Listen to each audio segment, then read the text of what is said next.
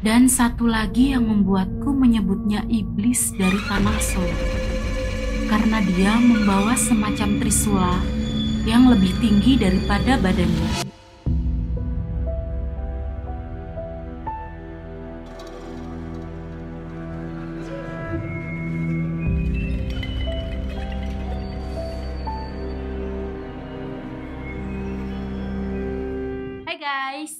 Kembali lagi bersama gue Christine Anggraini di ARC Horror Story.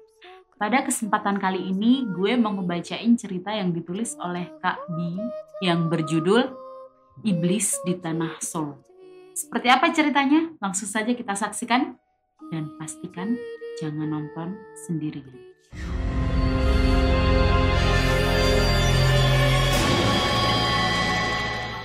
Aku mahasiswa baru di salah satu kampus swasta yang ada di Yogyakarta.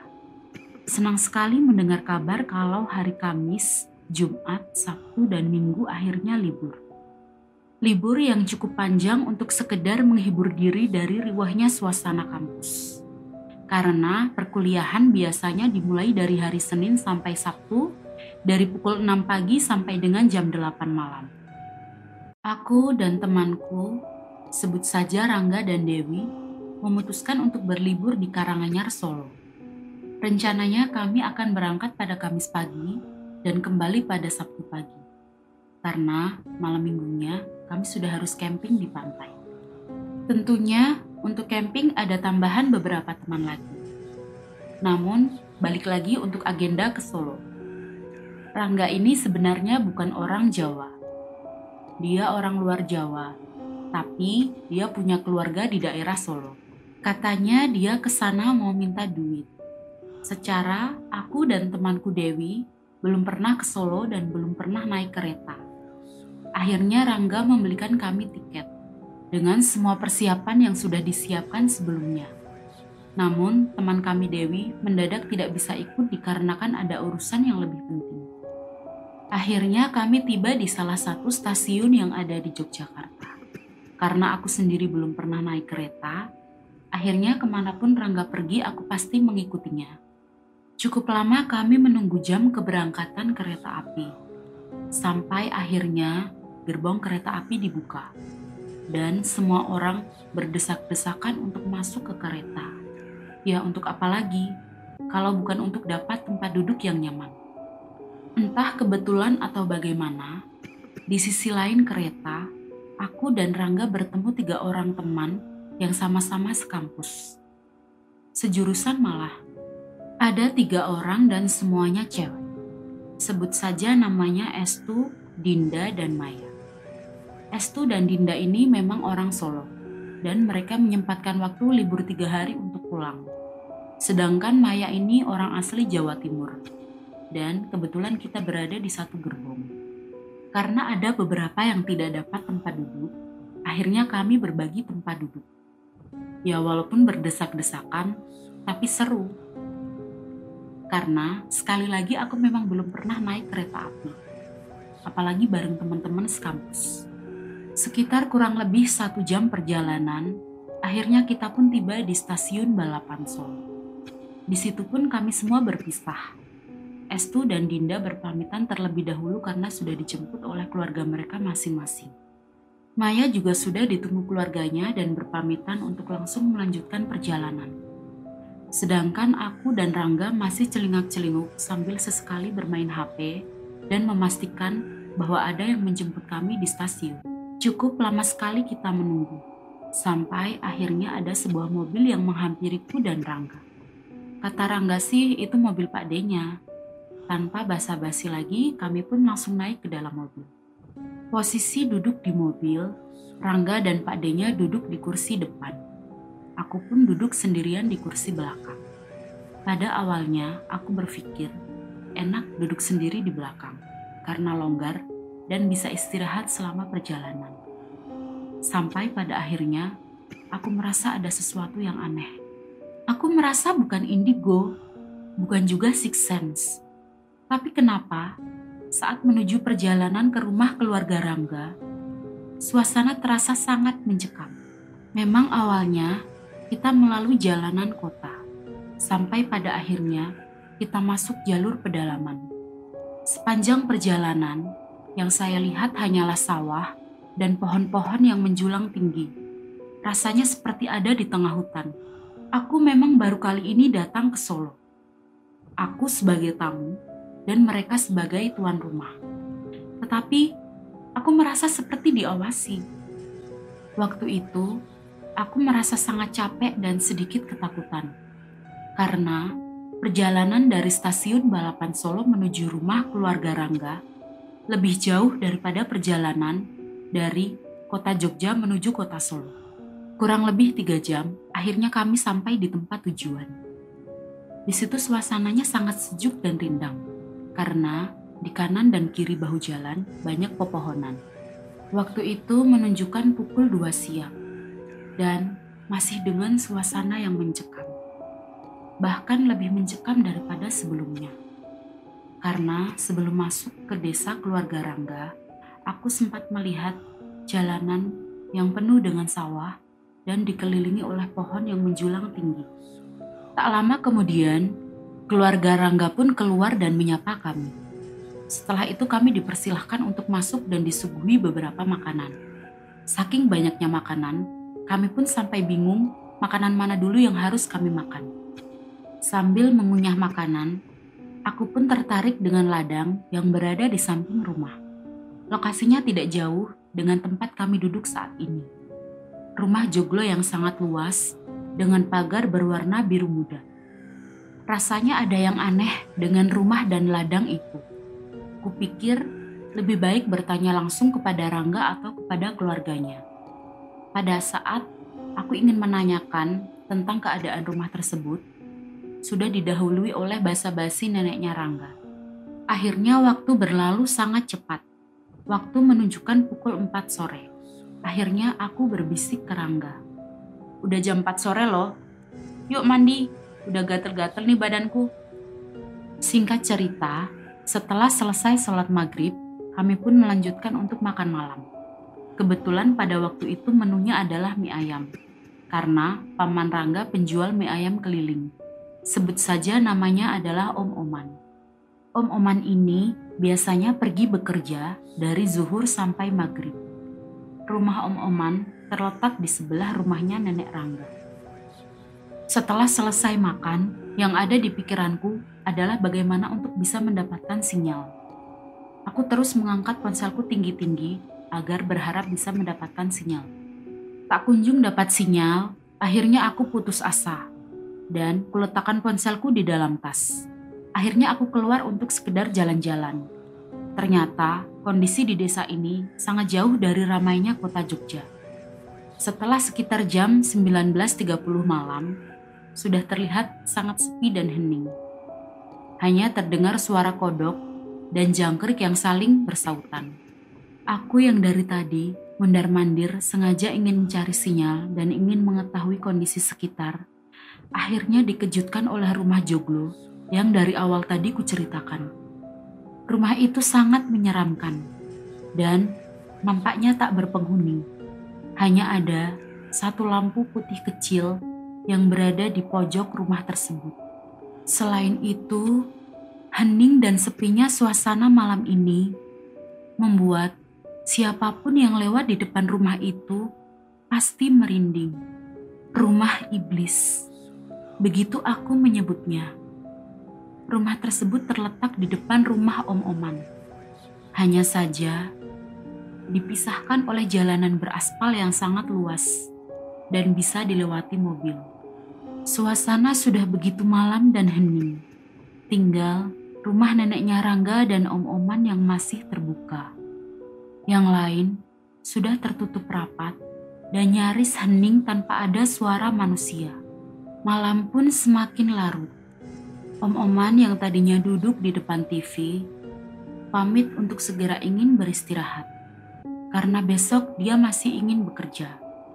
Om Oman berpesan kepada kami, jika akan tidur nanti, jangan lupa untuk mengunci pintu utama. Kami pun mengiyakan perkataan Om Oman. Di situ hanya tinggal kami berdua.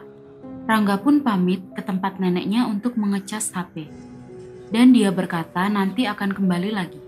Cukup lama aku menunggu Rangga kembali. Dan pintu utama rumah Om Oman pun masih terbuka. Di situ terlihat sangat jelas detail dari rumah iblis itu. Ku beranikan diri untuk menyusul ke rumah nenek Rangga.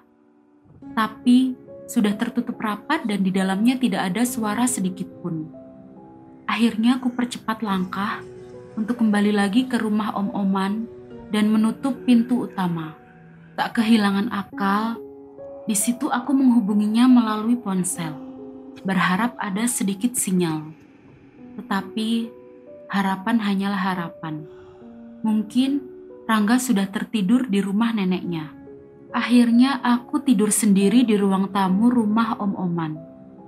Tanpa aku sadari, waktu sudah menunjukkan lewat dari tengah malam. Ku ingat waktu itu pukul satu dan suasana mulai dingin. Saat itu aku merasa seperti ada yang mengawasiku dari depan rumah Om Oman. Tiba-tiba, selang beberapa waktu, aku melihat sosok yang hitam dan sangat besar. Aku melihatnya dari dalam pikiran dan hati, bukan dari mata telanjang, layaknya orang melihat sesuatu.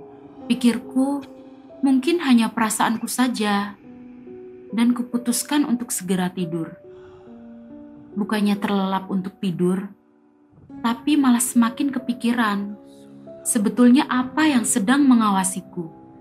Semakin kurasakan, sosok itu semakin mendekat kepadaku. Aku layaknya tamu baru, di mana tuan rumah ingin tahu atau berkenalan dengan siapa yang sedang berkunjung ke rumahnya. Singkat cerita, karena aku ketakutan dan gak bisa tidur, akhirnya aku kembali membuka ponsel dan berharap mendapat sinyal. Akhirnya memang mendapatkan sinyal walaupun hanya sedikit, dan hanya mendapatkan sinyal 3G. Saat itu aku langsung chat Rangga untuk segera ke sini menemaniku. Tapi sayangnya dia sudah gak aktif Mungkin saat itu dia sudah tertidur pulas. Tidak ada pilihan lain waktu itu selain memberanikan diri untuk membuka korden rumah Om Oman. Untuk meyakinkanku bahwa itu hanya halusinasiku saja. Aku berdiri di tempat tidurku sambil memberanikan diri dengan sangat pelan membuka korden tersebut. Dan saat itu pun aku melihat kembali bayangan hitam yang tepat berada di atas pagar rumah iblis tersebut, yang artinya tepat di depan rumah Om Oman. Merasa sangat ketakutan, aku pun cepat-cepat menutup korden tersebut sebelum bayangan hitam itu menoleh ke arahku. Suasana semakin menakutkan. Di situ menunjukkan pukul dua dini hari. Bulu kuduku pun merinding, dan suhu udara yang mulai dingin. Kurang lebih lima menit, aku terbujur kaku di atas kasur dengan wajah tertutup bantal dan berharap tak melihat hal semacam itu lagi. Aku ketakutan, pikiranku mengacaukanku saat itu, sampai akhirnya kuputuskan sesuatu. Di situ aku mencoba untuk melihat kembali apakah yang kulihat sebelumnya. Bukan tanpa alasan, hanya untuk memastikan yang kulihat bukanlah halusinasi. Kucoba untuk melihatnya kembali melalui gorden jendela rumah Om Oman. Di situ, dia masih tetap dengan posisi yang sama. Di situ aku melihatnya sangat jelas, bahkan lebih jelas daripada sebelumnya. Masih dengan posisi yang sama. Dia jongkok di atas pagar rumah tersebut. Dari apa yang kulihat tadi, dari keseluruhan dia berwarna hitam dan berbulu tipis. Jika kalian berpikir itu adalah genderuwo, kalian salah. Karena dia tinggi, sekitar 180 sentian. Jari tangan dan kaki yang cukup panjang, bahkan lebih panjang dari ukuran normalnya manusia.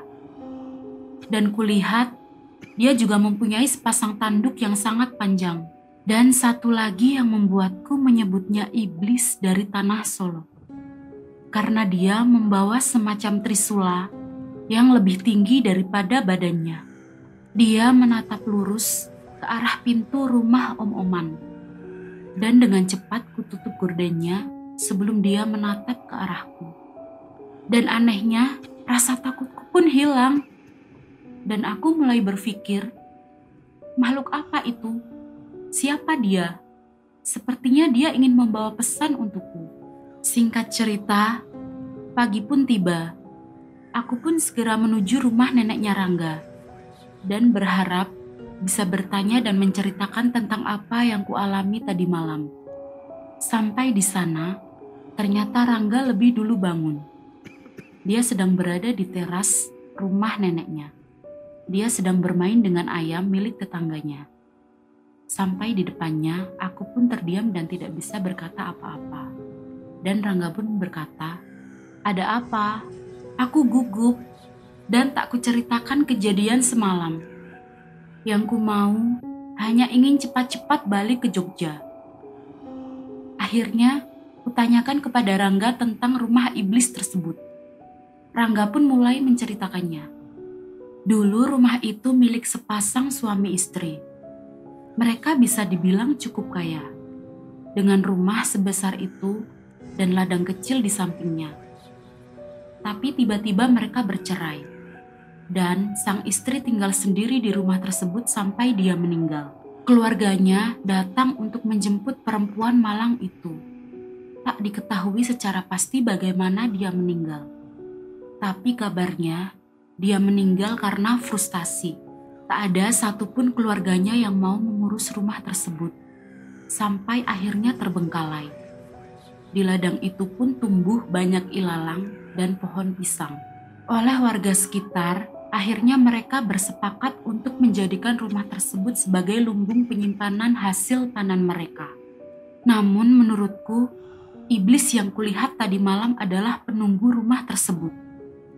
Dia ikut menunggu hasil panen, sambil mengamankan dari maling atau semacamnya.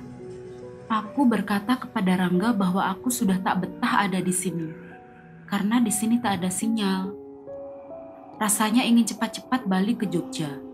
Aku beralasan kepada Rangga bahwa di sini tidak ada sinyal. Padahal bukan itu. Padahal karena di sini ada iblis itu. Rangga mengiyakan perkataanku. Tapi dia tidak bisa mengantarku ke stasiun. Di situ pun kami berdebat. Bagaimana aku bisa ke stasiun?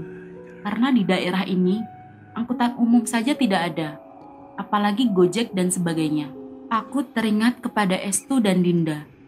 Akhirnya aku kepikiran untuk meminta tolong kepada mereka. Dan aku pun memutuskan untuk berjalan kaki ke jalan raya. Di jalan sebelum masuk desa ini. Akhirnya di situ aku menemukan sedikit sinyal lalu menghubungi Dinda. Setelah teleponku diangkat, aku pun menjelaskan tujuanku kepada Dinda. Awalnya dia menolak karena jarak rumahnya ke rumah Rangga yang cukup jauh. Setelah negosiasi dengannya, dan tentunya kuceritakan tentang apa yang kualami di sini, Dinda pun merasa iba dan mau mengantarku ke stasiun balapan Solo. Hari Jumat pagi pun aku kembali ke Jogja, tentunya menunggu dijemput Dinda terlebih dahulu. Setelah bertemu iblis itu, gangguan masih terus ada selama aku di Jogja. Bahkan setelah berwudu ataupun setelah menunaikan sholat. Jadi seperti itu guys cerita horor yang ditulis oleh Kak Bi. Terima kasih buat teman-teman yang sudah mampir ke podcast ARC Horror Story. Jika kalian suka dengan ceritanya, silahkan share dan ikuti terus podcast ARC sebagai bentuk dukungan kalian. Saya Christine Anggreni, bye-bye!